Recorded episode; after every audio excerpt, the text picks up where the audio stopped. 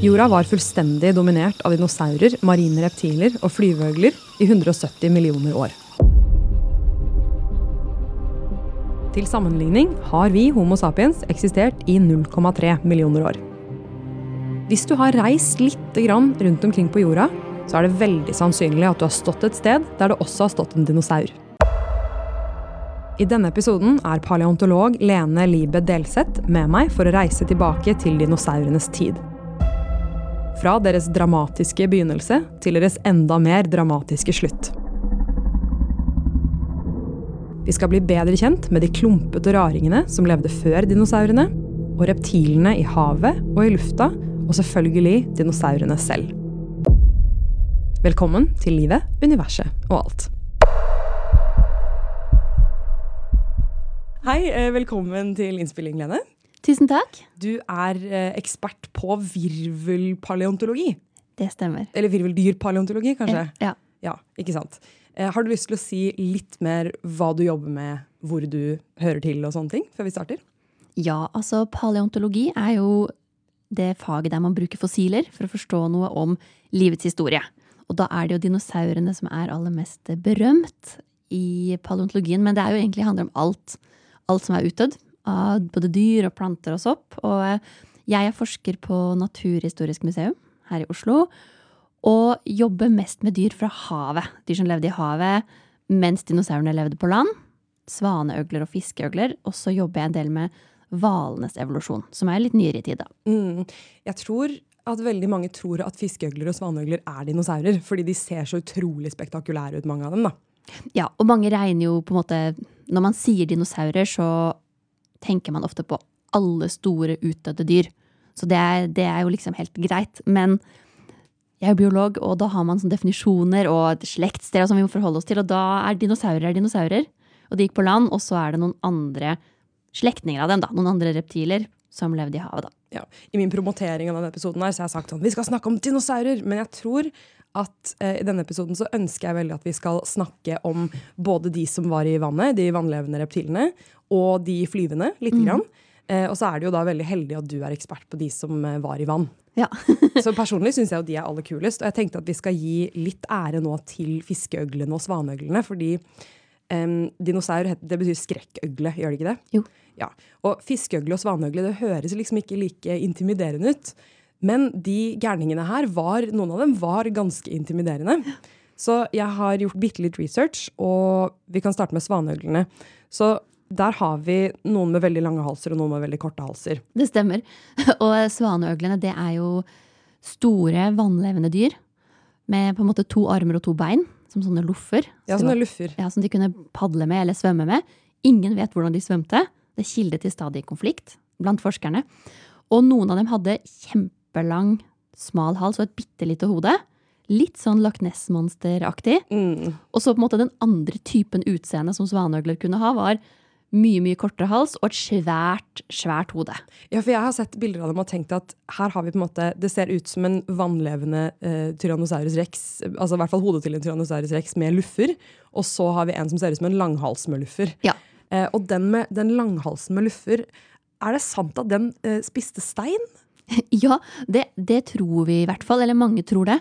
Og det er fordi det er funnet sånne litt sånne avslepne steiner. em, som man tror har vært inni magen til de, da, og at de sannsynligvis gjorde det for å bruke de til å kverne maten, sånn som vi tror også noen dinosaurer gjorde, og som noen fugler gjør. da. Å ja, fugler gjør det i dag?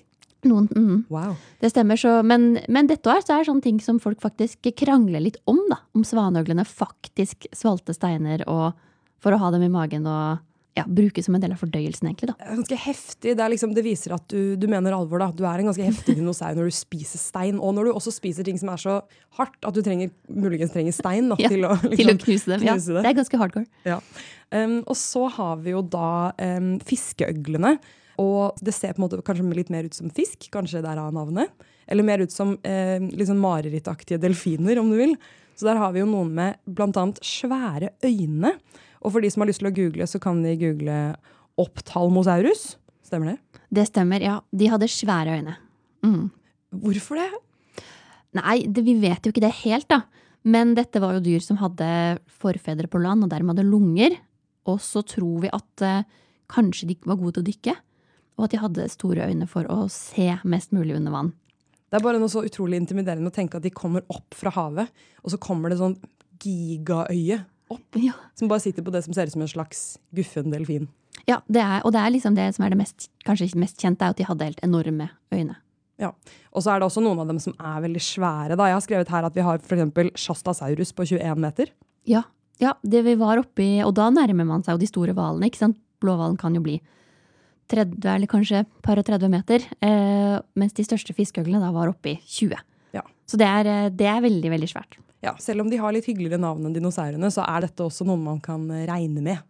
Ja, ja, dette var eh, svaneøglene og fiskeøglene i havet var, eh, var svære, skumle rovdyr. Du er jo paleontolog. Har du på en måte vært ute og gravd sjæl? Ja, det har jeg. Eh, og det er jo veldig, veldig heldig å få lov til å være med på, da. Så jeg har vært og gravd fossiler på Svalbard eh, etter de her marine reptilene, da. Ja, altså fiskeøglene og svaneøglene. Ja, stemmer. Mm. Har du funnet noe, da? Vi har funnet masse. Svalbard er helt eh, fullt av fossiler. Um, så vi har vært og gravd. Jeg har vært og gravd, eh, og mange av kollegaene mine har vært og gravd. Og egentlig kan man, kan man nok bare fortsette å grave så lenge man har penger og tid. Eh, så vil man finne mer. Fordi Svalbard har en geologi som er veldig godt bevart. Mhm. Fra veldig store deler av livets historie. Så der er det ganske mye fossiler. Det er en gullgruve, liksom? Det er en gullgruve. Wow. Ja. Da håper jeg dere får masse penger og kan fortsette å grave opp. Ja, vi får se.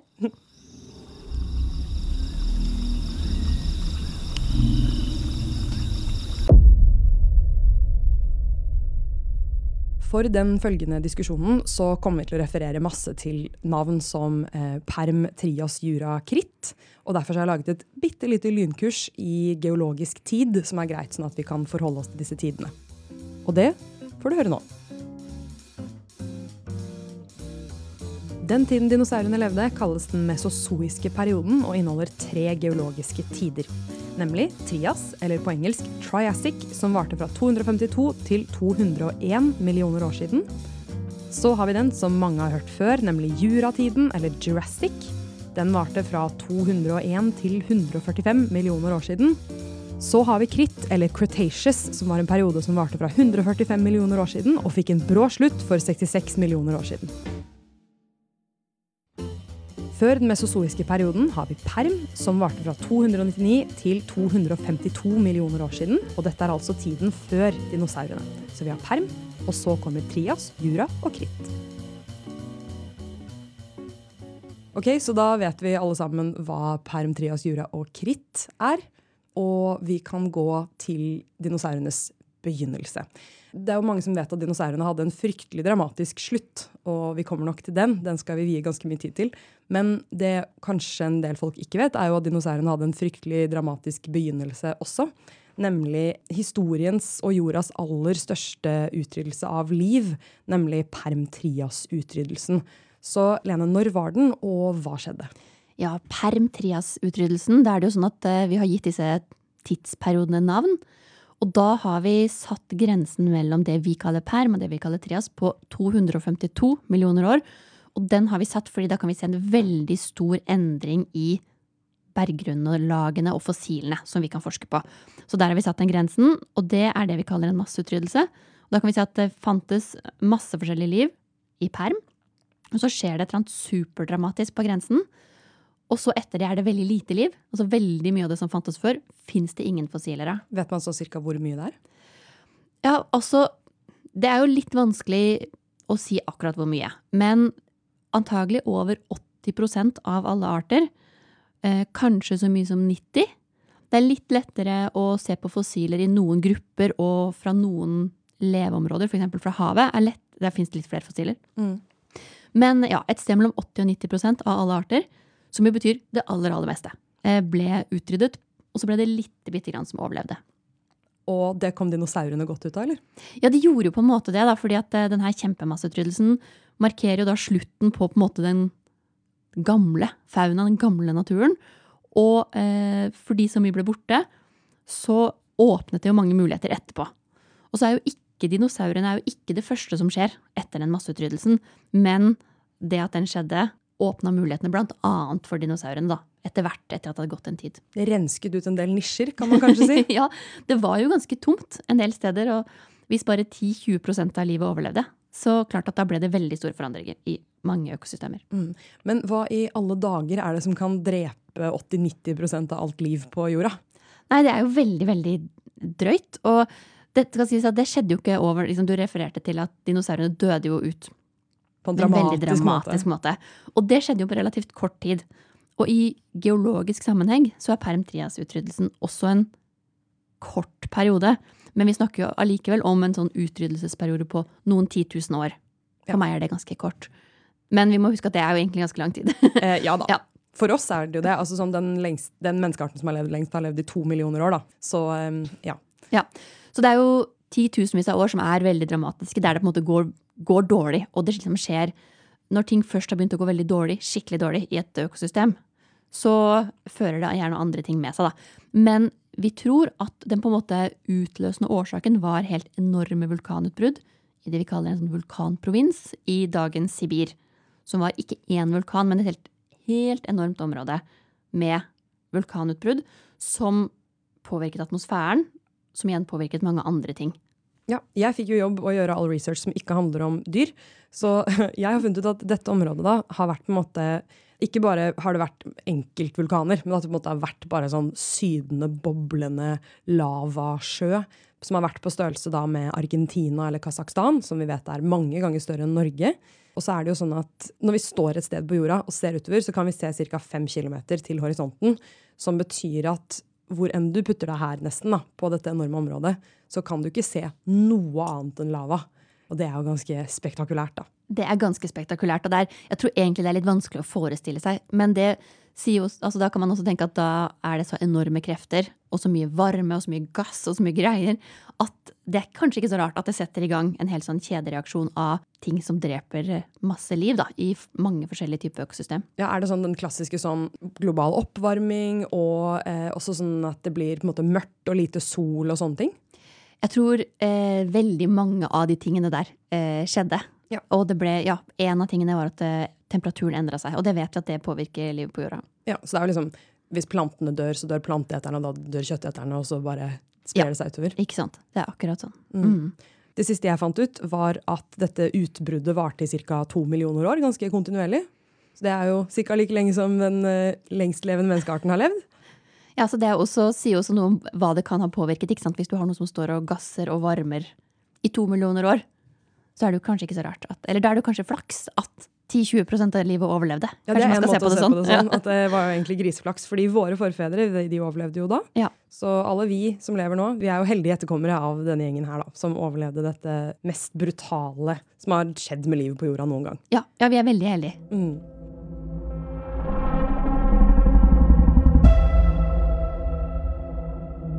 Før vi går i gang med dinosaurene og deres liksom storhetstid, og de marine reptilene og de flyvende reptilene, så eh, skal vi holde oss bitte litt i perm, fordi du har sagt perm er rart. Og det har jeg lyst til å snakke litt om, da. Så la oss si at jeg hopper inn i en tidsmaskin, og så hopper jeg 300 eller 250 millioner år tilbake i tid, inn i perm. Altså denne tiden før denne masseutryddelsen. Og så tar jeg meg en spasertur i skogen. Hvordan vil ting se ut for meg? Er det liksom, Hvilke dyr møter jeg på? Er det noe som er annerledes for meg? Ja, det vil nok være veldig, veldig annerledes. Og det første er selve plantene rundt deg. Og da kanskje det du vil reagere på, er at det er verken er gress eller blomsterplanter. Uff. For det kommer mye, mye seinere. Så selve vegetasjonen vil nok føles veldig annerledes. Og så vil du hvis du var et menneske da fra nåtiden, sånn som du er, så vil du reagere på at eh, det er jo ingen store flyvende fugler, eksempel, eller noe annet. Det, er, det fins insekter som flyr. Ikke noe annet som flyr? Ingenting annet som flyr. Mm. Det fins insekter, eh, kanskje ganske mange av dem, men eh, du vil sikkert liksom savne fuglekvitring og sånn, da. Så verken fugler eller blomster eller gress vil du se. Så det vil du kanskje føle at mangler. Det er mindre hyggelig med en gang. ja. det, er, det er jo andre grønne planter og sånt, da, men, eh, men ikke de tingene. Og så er det jo, vil jo de, hvis du er så heldig å få se noen dyr, da, så er jo de også ganske annerledes, ikke sant? For det er jo det som er at det er PRM-trias-grensen. Det er et veldig sånn før og etter den, da. Og de store dyra i perm, siste halvdel av perm eksempel, så fantes det virkelig store dyr. Men de er jo da ikke de samme store dyra som i dinosaurtiden, og heller ikke som nå. Men tilhører en stor gruppe som kalles for synapsider. Og det er jo, det er jo vår dyregruppe. Ja, det er oss. Ja, det er oss, men det er jo ikke oss. jeg ville kanskje eh, ikke kjent meg igjen så veldig i en synapside. Du ville ikke kjent deg igjen, og det er jo fortsatt for eksempel, det er ikke blitt pattedyr ennå. Det er for tidlig. Men eh, Hva er vi da? Ser vi litt sånn reptilaktige ut? Ja, det er jo Det har blitt kalt pattedyrlignende reptiler. Ja. Jeg syns det er et eh, ikke så veldig godt begrep, så jeg liker bedre å si synapsider. Eh, men eh, man kan si at du kan dele dem i to grupper.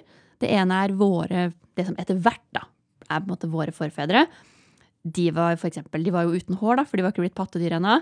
Så de var jo liksom Du ville nok synes at de var vel ganske sånn reptilaktig. Ja, da går det en varan, liksom. Ville jeg tenkt. Glatt hud, eh, kanskje noen sånne liksom støttenner og noe greier. Støttenner og glatt hud. Høres ikke ut som meg. Det er tippoldefar. Eh, og, så, og så var det den andre gruppen, og det er en gruppe som ikke fins lenger, som heter pellikosaurer. Eh, som annet inkluderer da Dimetrodon, som vel er den mest, eller kanskje den eneste kjendisen eh, blant folk flest fra perm. Men den er kjent til gjengjeld. Altså, virkelig google Dimetrodon-lyttere. fordi de heter også seiløgler. og Det er fordi de liksom, det er en sånn feit liten eh, slags krokodillelignende ting med kort hode. Og så har den et sånt gigantisk seil. altså sånn, Jeg vet ikke hva jeg skal si engang. Som en sånn kam på ryggen. Eh, og den har vi sett før da, i lekebutikken, f.eks. Den har vi sett mye i lekebutikken, og eh, ofte når man liksom snakker om gruppen dinosaurer, så er Dimetro, sniker Dimetrodon seg med. Men det er ikke en dinosaur. Det er ikke en dinosaur, og til og med i de her I hvert fall da jeg var barn, så spiste jeg mye sånn dinokjeks. Ja, ja. Og der er jo også Dimetrodon med. Og ofte i sånne poser med lekefigurer. og sånn, Men den er da nærmere i slekt med oss, selv om den ikke er vår. Den er ikke vår tippoldefar, men den er nærmere i slekt med oss Enn med enn dinosaurene. dinosaurene. Og det fantes jo mange mange andre som hadde sånne seil. Så det var ikke bare Dimetrodon, det er flere av slektningene dens også som så ganske spektakulære ut, rett og slett.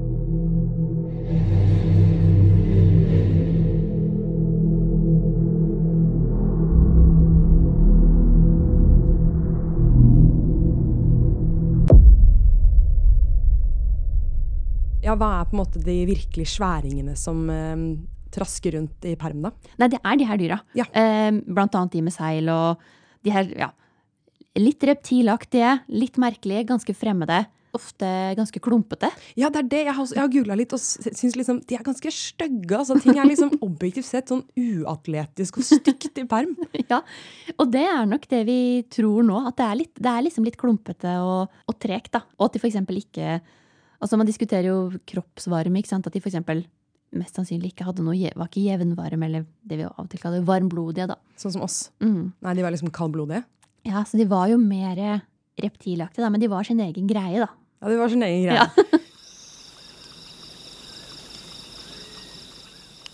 Jeg er jo da i skogen, og så har jeg sett eh, mye raringer. En tippoldefar jeg ikke kjenner igjen. Og så velger jeg å ta meg en dukkert i et tjern. Eh, hva kan jeg møte på der? Nei, der er det jo eh, det, Jeg tror kanskje det, det som eh, Det rareste du vil møte på, er sånn kjempeamfibier. Er det de litt mer slimete variantene? Ja, det var slimgreia. Det er egentlig sånn ufortjent det dårlige rykte som amfibiene har. Men amfibier er jo dyr som ikke er fisk, eh, men de er heller ikke helt landlevende. Så de er avhengig av vann for å gjennomføre livssyklus. Jeg tror det er der slimtingen kommer inn. Altså, for at liksom, er du i vann hele tiden, så er du jo nødvendigvis litt slimete. Ja, det er, det er i hvert fall noe man sier, da. Eller Eh, klam, da. litt klamt. Ja, men som En frosk, for eksempel. Den er ikke akkurat slimete, men den er klam. Ja, det er litt klamt. Og så er det jo ikke sant, disse eggene, da. Det er, det er derfor de må ha vann. De kan tørke ut av de ville tørket ut hvis de ligger på land. Og da føler vi jo også automatisk at eh, ja, froskeegg at de er jo litt slimete. Froskeegg er jo eh, famously ekstremt slimete. Ja, så, så der har du det, da. eh, Med slimet, kanskje. eh, Kommer derfra. Så amfibier, det er de dyra som er De kan puste i luft, men de, de har en del av livssyklusen sin i vann. Hvor store er de gærningene her, da? Nei, det er det? Vi tenker jo på amfibier, og kanskje særlig her i Norge, så har vi jo ikke så mange. Og de er små. Mm. Det er frosker, og så er det noen bitte små salamandere som er veldig søte, som du liksom kan holde i hånda. Um, mens her er vi oppe i 1,5 meter amfibie, og det er jo ganske drøyt. Som en bil, liksom? Det er en liten bil. Så, som en, eh, ja, det, er, det er en veldig liten bil, ja, men eh, omtrent like lang som meg, da. Mm. Og det er, det er ganske svært når du er vant med noe sånt. Nei, så dette er ikke noen jeg har lyst til å svømme inn i og, og krasje i når jeg er på min svømmetur i dette tjernet. Nei, og de var jo kjøttetere, noen av dem, og oh, svære, klumpete, tunge skjelett, egentlig, de også. Du ville nok vært kjappere enn den, vil jeg tro. Men jeg tror du ville synes det var ganske skumle. Ja, Så den kunne rett og slett spist meg. Altså, Det er ikke sånn søt liten frosk å ha i hånda. Det er ganske motsatt. Eh, Det er noe litt sånn gøy med svære varianter av ting vi er vant til. Ja. Og det er sånn, eh, perm var rart. Mm. Jeg syns at det høres ut som perm var veldig rart.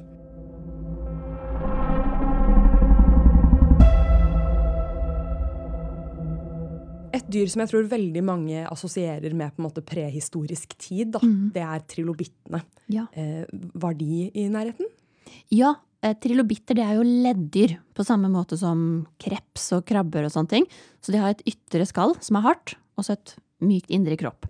Og de er det funnet utrolig mange fossiler av, annet her i Oslo-området og veldig, veldig mange steder i verden. Og derfor er de ganske godt kjent.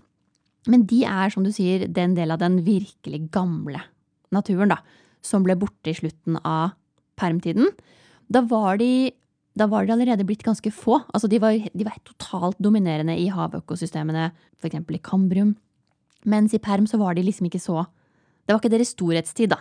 Men de siste trilobittfossilene kommer fra perm. Så det var liksom korken på flaska for trilobittene. Ja, det var nådestøtet. Ja. eh, ja. Så da, var det, da er det helt slutt, da. Etter slutten på perm eh, for trilobittene.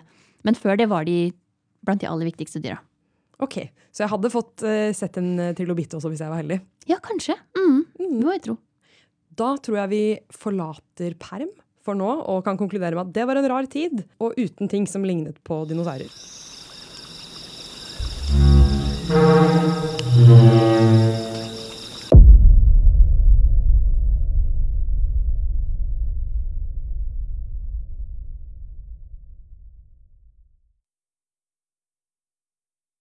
sier at denne perm-trias-utryddelsen er super, superviktig for den kommende suksessen til dinosaurene. Dinosaurene skal jo på en måte regjere landjorda, eller i hvert fall leve i 170 millioner år.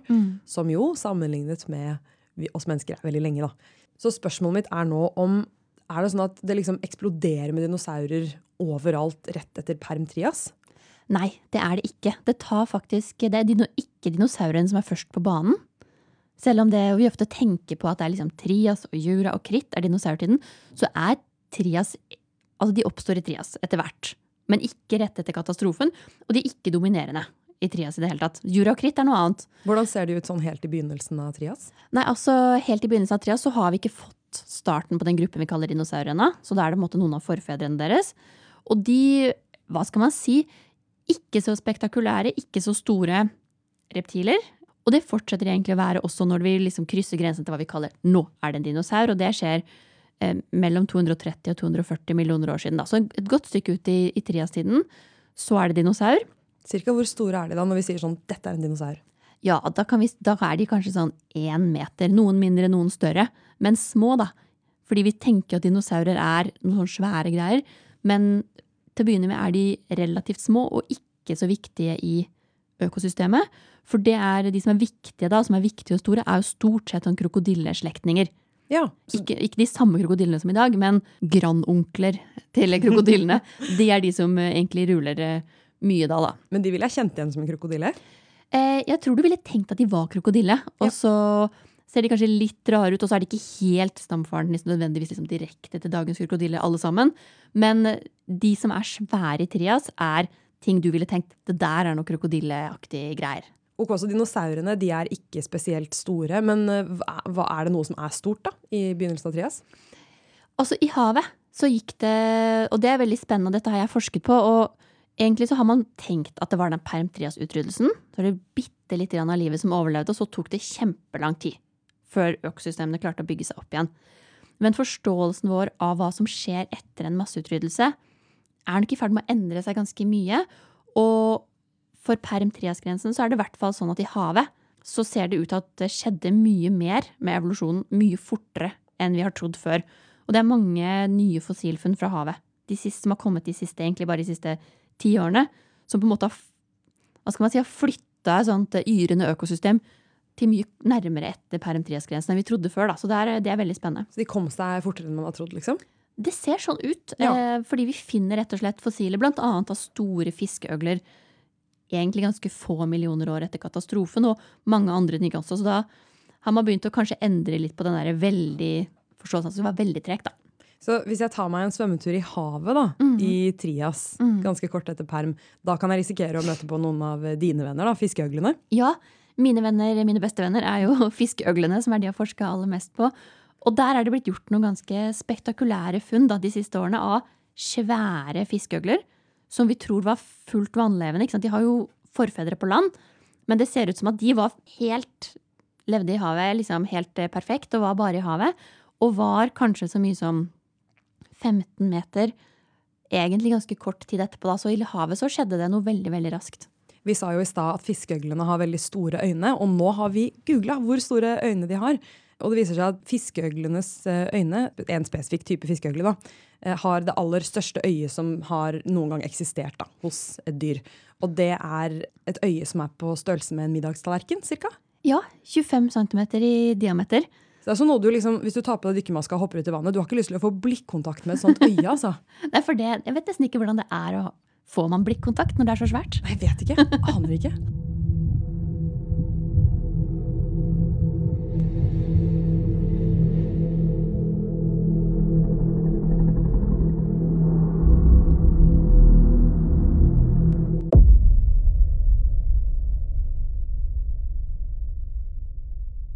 Du nevnte krokodillene. Mm. de vil vi kunne kjenne igjen. Er det noe annet eh, på den tiden her da, som er på en måte før dinosaurene, som vi kan kjenne igjen eh, som noe som lever i dag? Ja, det er det jo en del ting. Det er jo, du vil nok kjenne igjen en del insektgrupper som ligner. Vi har fortsatt ikke gress og blomsterplanter. Det er nok en del sånne smådyr som du ville tenke at det er noe liksom amfibie- eller reptilgreier. Men som ikke er det helt det samme som vi har i dag, da. Tenker jeg, Det ville du nok også sett rundt deg. Og så ville du sett Vi har skilpadder. Jeg tror du ville tenkt at det, at det er noe skilpaddeaktige greier. Utformet som en skilpadde? Ja, ja, i hvert fall eh, noe sånt. Så det, skilpaddene ville du nok sett. Det er jo fint da, hvis man eh, brått blir slengt tilbake i eh, Trias. Så er det både krokodiller og skilpadder som kan gjøre deg rolig og føle at du er hjemme. Ja, ikke sant? Og sikkert noen ting du ville gjenkjent som fisk, da. Ja, fisken selvfølgelig. Den har vel, fisken har jo vært rundt veldig lenge. Fisker og, og blant dem hai, da. Eh, der ville du også tenkt at i hvert fall litt kjent. Så noen hjemmekoselige fisker, haier og krokodiller. og. Kjempekoselig. Så dinosaurene hadde egentlig ingen braksuksess sånn i Trias. Nei, det tok egentlig ganske lang tid. Altså, de oppsto en sted inni Trias, på en måte, mellom 230 og 240 millioner år siden. Men de ble ikke viktige i økosystemet egentlig før vi kommer over i juraperioden. Sånn virkelig dominerende, sånn som vi Kanskje sånn som vi har et bilde av at de er, da. Det skjer egentlig virkelig i jura og så seinere i kritt. Ja, For når du sier virkelig dominerende, da mener du på en måte både i tid og i eh, rom? holdt jeg på å si? Ja, ikke sant? Og hvem som er dominerende, det kommer jo Det er sånn eh, litt hvilket perspektiv man har. Vi pleier jo å kalle det pattedyrenes tid nå, og det er jo mye fordi vi er pattedyr selv. Ja. Det er jo mye for insekter, eksempel. Vi kaller det ikke insektenes tid. Nei, vi gjør ikke det. Eh, selv om det kanskje egentlig er det. men, eh, men hvis vi tenker på, en måte dinosaurene dominerte, ja, da er det at de er veldig mange forskjellige arter etter hvert. I jura og kritt særlig, da. Eh, de var mange forskjellige størrelser. De fylte mange ulike nisjer. Altså det var små plantetere og store plantetere og små rovdyr og store rovdyr. Og fantes jo over hele verden. Masse forskjellige tilpasninger. Og var helt vesentlig for hvordan økosystemene var da, og funka. Og det er jo litt annerledes enn i dag. ikke sant? Så i dag er det veldig mange store dyr som har den rollen, er pattedyr. I mange naturtyper i hvert fall. Mens da var det reptiler. Det er liksom de som er sjefen i økosystemet. Litt sånn sjefen i, litt sjefen i økosystemet, stemmer det.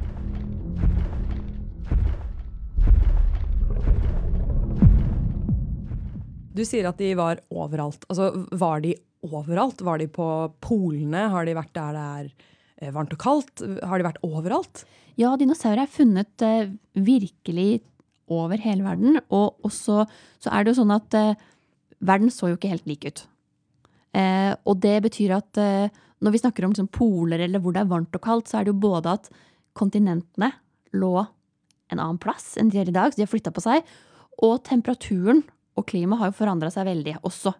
Og den var jo heller ikke lik verken kontinentene eller klimaet. Var ikke likt gjennom hele dinosaurtiden, for det er jo utrolig lang tid vi snakker om. 170 millioner år. Ja, Så det var jo ikke liksom ett klima og ett opplegg med kontinentene. Det var masse masse forskjellig. Men når vi på en måte ser dinosaurene under ett, så er de funnet fra overalt. Og de er funnet fra områder som vi vet at var varme. F.eks. det vi vet at var ørken. Men også fra områder som har hatt vinter. Snø? Ja, kalde temperaturer, og da mest sannsynlig snø. Og eh, sesonger, liksom, da. Eh, sommer og vinter og Så de, vi tror at dinosaurene har levd i snøen også. Her sier du noe som er litt eh, viktig for meg. fordi eh, jeg har hatt et veldig et eh, personlig emosjonelt forhold til dinosaurer gjennom følelsen frykt eh, mye av mitt liv. Fordi da jeg var veldig liten, kanskje sånn seks år, så så jeg Jurassic Park med min familie. Og det som er greia da, er at i Jurassic Park så er det en, det er en fyr som blir spist av en tyrannosaurus rex. Og han er eh, advokat. Og det er mine foreldre også. Så jeg tenkte at Tyrannosaurus rex har en sånn preferanse for å spise på en måte folk som minner om mine foreldre. da. For meg. Eh, meg. Ja. Så, så ble han også spist på en veldig sånn ydmykende måte, for han blir spist mens han gjemmer seg inne på en do. Ja. Um, og det var den der ydmykelsen og hvor stor Tyrannosaurus rexen var, og at han hadde samme yrke som mine foreldre, gjorde at jeg var bombesikker på at det fantes dinosaurer, og at de kom til å spise foreldrene mine. Så det var noe jeg drømte veldig mye da, kanskje fra, sånn, fra jeg var kanskje seks til syv. Ja. Eh, men det som var greia, var at jeg sa jo dette til slutt til foreldrene mine, og så sa de nei, nei, nei, du må ikke være redd for det, for dinosaurer de, de kan ikke bevege seg her i Norge, det er altfor kaldt for dem. Så sier du nå at det var løgn? Ja, jeg gjør nok det. Eh, Men det, ja, det var jo bra du fikk trøst da, da. Eh, For ja. det Jurassic Park er veldig skummel. Den er det! Ja, den er kjempeskummel. Så det skjønner jeg godt at var litt traumatiserende. Det var traumatiserende, og, men altså, det er så flaks at jeg trodde på det. Ja, det var veldig bra. Det var veldig bra. Men eh, ja, det fantes jo selvfølgelig dinosaurer i Norge også. Og de fantes i kalde områder, selv om det kanskje ikke var Norge på den tiden. Og det som de fleste tror nå, er at dinosaurene hadde endotermi, eller det vi av og til på norsk kaller jevnvarme, eller varmblodighet. Da. De hadde ganske jevn og ganske høy kroppstemperatur. Kunne bevege seg kjapt og i mange forskjellige temperaturer, altså uavhengig av utetemperaturen. Det er ikke den der solcellemekanismen som andre, andre vekselvarme dyr har, på en måte, at de må varmes opp for å kunne bevege seg. Nei.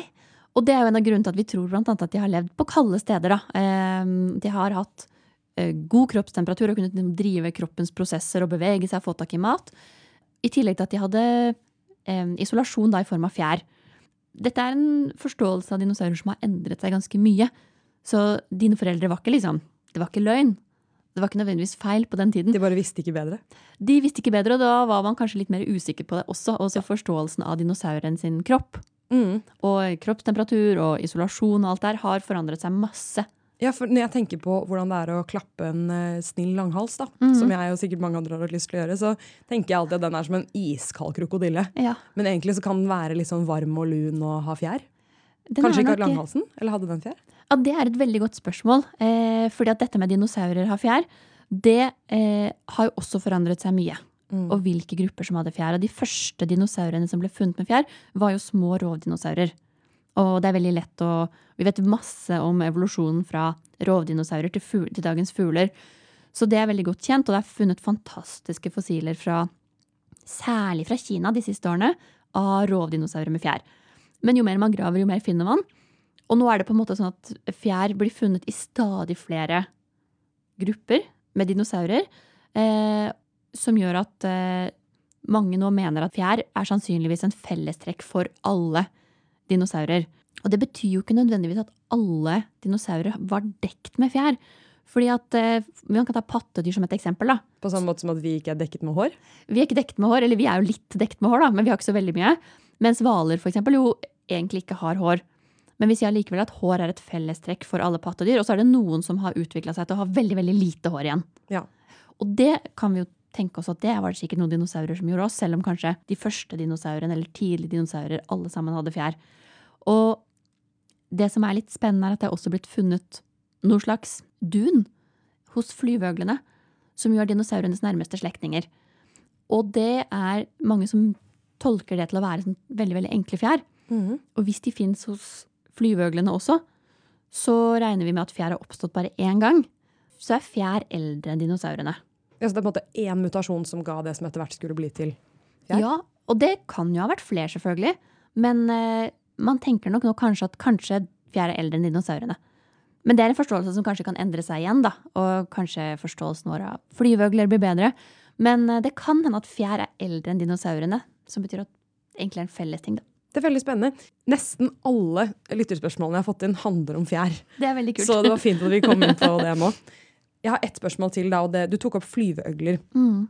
De også regjerer i juratiden, gjør de ikke det? Jo, så det er de store i lufta, da. Så Ja. Du kan si at uh, Trias jurakritt er på en måte reptilenes tidsalder, det kan man helt uh, tydelig si. Og de store dyra i lufta er flyveøgler. De store dyra på landjorda er først de her eh, krokodilleaktige typene, og seinere dinosaurene. Og i havet er det også reptiler, da, med fiskeøgler og svaneøgler og mosasaurer. Ja. Så flyveøglene er reptiler, og de er dinosaurens nærmeste slektninger. Og fantes også fra sein trias, da. Og noen av de har vært skikkelig svære, de også. Ja, helt enorme. Opptil tolv meter vingespenn. Som jo er nesten utrolig å se for seg. Og liksom vanskelig å forstå hvordan de kunne fly og lette og sånn. Så de har vært også en helt utrolig bred liksom, størrelsesvariasjon da, mellom dem. Og så fantes det jo fugler etter hvert også. De dukker opp i, i juratiden. Eh, men de var mindre da, på det tidspunktet. Så det var, flyveøglene som var de svære.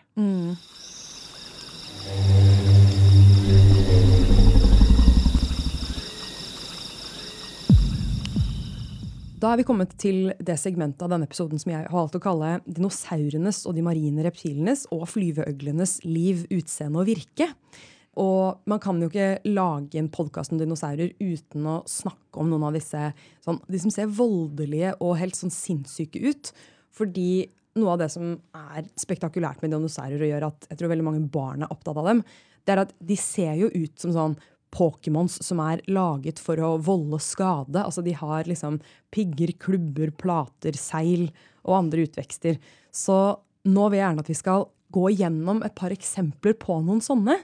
Eh, Og her er det jo da bare fritt fram for å google, så jeg lurer på, Lene, om du har noen eh, favoritter da, eh, av disse mer voldelige dinosaurene?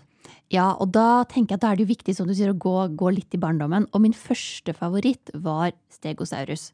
Som jo er tror jeg, en favoritt blant mange. Veldig, veldig berømt. Veldig berømt dinosaur. Så for å male bildet så er det den med sånn blader på en måte på ryggen, som går i to striper, stemmer det? Ja, er det stemmer. Det er to stripere som er litt sånn skifta i forhold til hverandre. Og så har den noen sånne pigger på halen. Fire pigger på halen. Eh, Det er en planteeter. Så eh, den brukte nok noe der til å forsvare seg. Som et piggsvin, liksom? Litt som et piggsvin. Og så har det vært diskutert om den kanskje også brukte de her eh, platene til sånn kroppsvarmeregulering. Eh, Eller kanskje til å være tiltrekkende. Hvem vet. Så det er litt, det diskuterer man litt. Men lite hode og sånn, sånn nesten litt sånn pukkelrygga med de her eh, platene på, da. Vi kommer jo til denne, men dette er vel den dinosauren der man på en måte, den brukes alltid som et eksempel på en dinosaur med veldig stor kropp og veldig liten hjerne. Ja, den er jo det mest berømte eksempelet. Jeg tror kanskje det må ha vært fordi den var en av de første der man prøvde å regne ut hjernestørrelse, og så kom man fram til et utrolig lite tall. Ja, for vi kan jo spoile at denne her er da ni meter lang, og så har den hjerne på størrelse med en valnøtt, stemmer det? Ja, det er det man pleier å si i hvert fall. Og så skal det sies at det er jo ikke så kjempelett å regne ut hvor stor hjerne, eller hvor smarte dinosaurene var. Så det man må gjøre da, må man jo ha en sånn fossil hodeskalle som er noenlunde tredimensjonal. Og så må man på en måte lage en Nå lager man på en måte en digital avstøpning. Eller man kan jo lage en faktisk avstøpning inni hjernen. Inni hodeskallen. Og prøve å liksom finne ut hvor stor den var. Men det er klart at det er jo Det er ikke nødvendigvis så presist, men Stegosaurus hadde ikke en kjempehjerne, og hjernen var så liten at den kan umulig ha vært veldig smart. Nei. Det er jo noe guffent da, med liksom en sånn slåsskjempe, eller som ser veldig skummel ut, men som har bitte liten hjerne.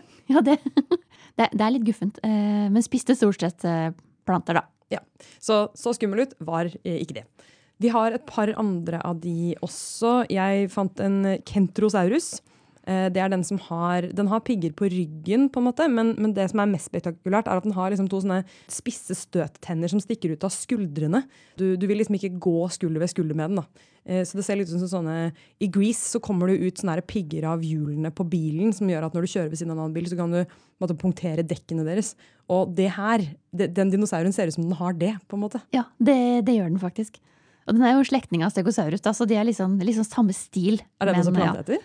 Ja. Er det liksom planteeterne som, har, som er utstyrt med sånne sinnssyke våpen på kroppen? Ja, de er jo det, for det er jo ofte beskyttelse, da. Tror vi. Um, men det er jo klart at uh, det der med at dinosaurene var så innmari skumle, da, eller sånn Det er jo litt et skapt bilde også, for det er klart at det de brukte mest tid på, Var det, Det var jo- tygge? tygge og få barn. Ja. Um, egentlig de er litt mer sånn trivelige tingene. Og så trengte de å beskytte seg, fordi at det fantes jo veldig skumle rovdinosaurer. Altså spising av planter og legge egg. var nok det de drev, brukte mest tid på. Det bare vitner om rovdyrene. Det er noe med at Hvis, hvis kuer også da hadde hatt liksom, eh, piggsvinpigger, da hadde du tenkt gud, hva er det som spiser de her? på en måte? Ja, og det, og det er jo et relevant spørsmål med de her enorme rovdyrene som vi vet at fantes. som jo fakt, De var jo faktiske drapsmaskiner. Mm.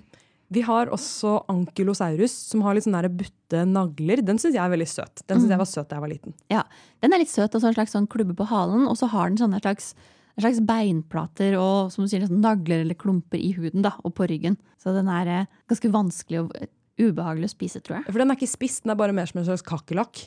Ja, Hvis du tar et bitt av den, så kommer du ikke gjennom sikkert med en gang. Så den er litt sånn hard og hard å bite i. da. Det er veldig kult. Det var en siste som du gjorde meg oppmerksom på. Som er sånn, Av alle de dinosaurene vi har snakket om nå, så er det én som bør googles. Og det var Teresinosaurus. Stemmer det. Den bør googles. Kan du beskrive den litt for meg? Ja, Terricinosaurus det tror jeg er en av mine absolutte favoritter. har blitt etter at jeg ble voksen. Og det er fordi den er så rar. Så den er veldig, veldig svær. Gikk antagelig på to bein.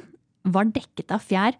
Hadde et sånt ikke kjempestort, ikke kjempelite hode. Og så hadde den på armene noen kjempelange klør. Det er sånn rette, lange klør. Det ser ut som sånn, litt sånn Edvard Saksehånd-aktig.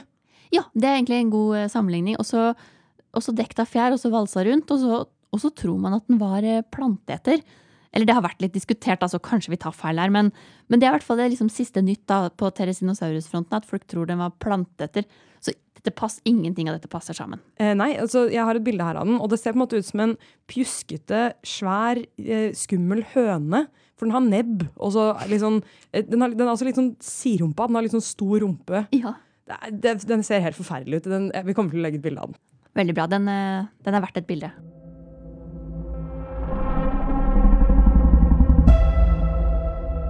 Nå har vi jo snakket om en del eh, jordlevende dinosaurer.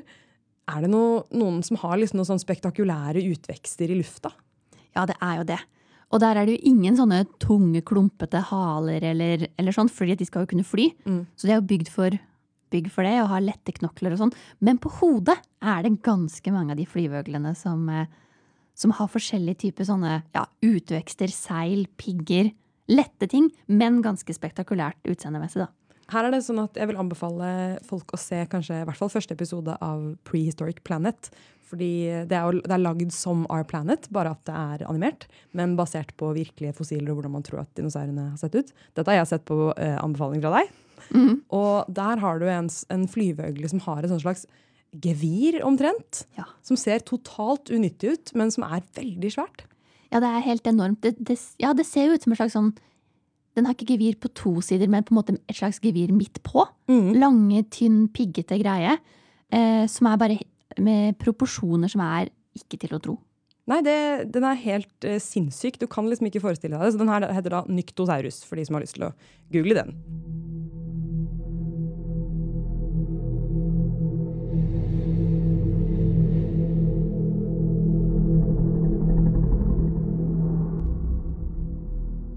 Skal vi si at vi har dekket behovet for å eh, ramse opp veldig kule dinosaurer nå? Ja, det er bra, det.